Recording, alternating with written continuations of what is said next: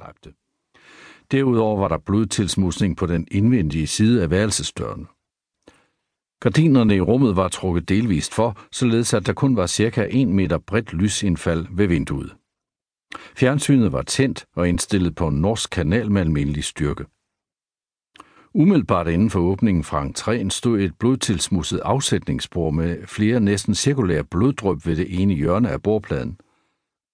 På området ved skabet og minibaren var der blodstænk på bordplade, fjernsynsskærm og låge i minibaren, og på gulvet ved siden af minibaren stod fem sodavandsflasker med enkelte små blodstænk på kapslerne.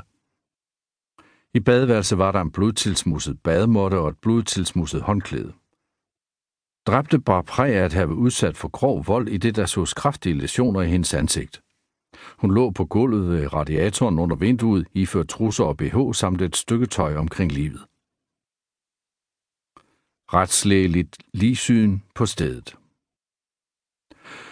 Retsmediciner Sten Holger Hansen, som var blevet tilkaldt, afholdt retslægeligt ligsyn på gerningsstedet i tidsrum kl. 16.50 til 17.15 og oplyste, at dræbte var skåret i halsen, i ansigtet og på brystet. Hun havde mange slaglæsioner i ansigtet. Der var kraniebrud, og hun havde fået slået tænder ud, ligesom hun havde afværget læsioner på armene. Han konkluderede, at dræbte havde været død i mere end 12 timer, og dødsårsagen skønnedes at være forblødning som følge af skaderne.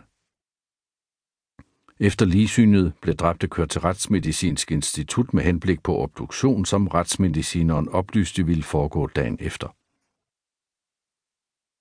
Efterforskning på gerningsstedet. Hundeafdelingen blev kontaktet og ville søge i området omkring hotellet efter eventuelle gerningsvåben. Der blev ikke fundet gerningsvåben uden for hotellet, men der blev fundet et koben i noget buskads, men det viste sig senere, at det ikke havde noget med sagen at gøre. Det kunne ud fra videoovervågningen konstateres, at dræbte var ankommet til hotellet 1. marts kl. 15.57 sammen med kolleger, og hun fik i receptionen anvist et værelse, hvorefter hun tog elevatoren til 20. etage.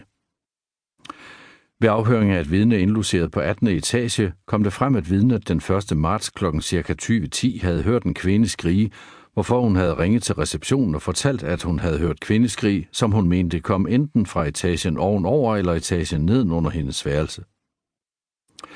Det viste sig senere, at hotelpersonalet havde undersøgt 17., 18. og 19. etage, men ikke fundet noget mistænkeligt. Man havde således ikke undersøgt 20. etage, hvor dræbte var indlogeret. Via loggen kunne det konstateres, at nøglekortet til dræbtes værelse nummer 2025 var benyttet den 1. marts kl. 16.02. Næste gang, der var låst op med nøglekort til værelset, var den 2. marts kl. 11.10 af personale fra hotellet. Dræbte havde således ikke forladt værelset fra hun ankom den 1. marts om eftermiddagen, til hun blev fundet dræbt den 2. marts om formiddagen. Allerede om aftenen den 3. marts fandt politiet ved at gennemse videoovervågning af casinoet samt af elevatorerne en person, som man mistænkte for drabet. Sikkerhedschefen, som hjalp politiet med at gennemse videoovervågningen i videomonitorrummet på hotellet, oplyste, da han så den person, politiet mistænkte, at han kunne huske, at han havde indskrevet samme person på casinoet den 1. marts kl. ca. 18.45. Personen havde fremvist et pas, hvor navn og pasnummer var blevet skrevet ind i casinoets computer, hvilket var normal procedure. Det kunne via passet konstateres, at den mistænkte hed Klita og var rumænsk statsborger. Af videoovervågningen i elevatoren kunne man se, at Klita kl. 20.00 tog elevatoren op sammen med en kvinde, der senere er afhørt som vidne. Han var iført jakke med hvid skjorte indenunder, men da han kl. 20.45 tog elevatoren ned, havde han ikke den hvide skjorte på. Han havde derimod noget hvidt i hånden.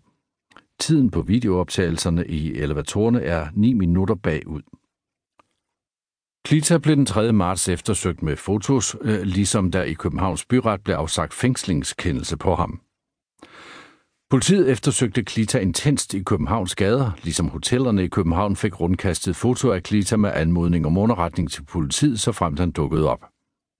En norsk journalist kontaktede politiet og oplyste, at han via nettet havde fundet et mobiltelefonnummer registreret til Klita. Der blev opsat telefonaflytning på dette telefonnummer. Gerningsmanden meldte sig til svensk politi. Den 3. marts om eftermiddagen kontaktede Malmø politi Københavns politi og oplyste, at den eftersøgte person Klita havde meldt sig selv i Sverige.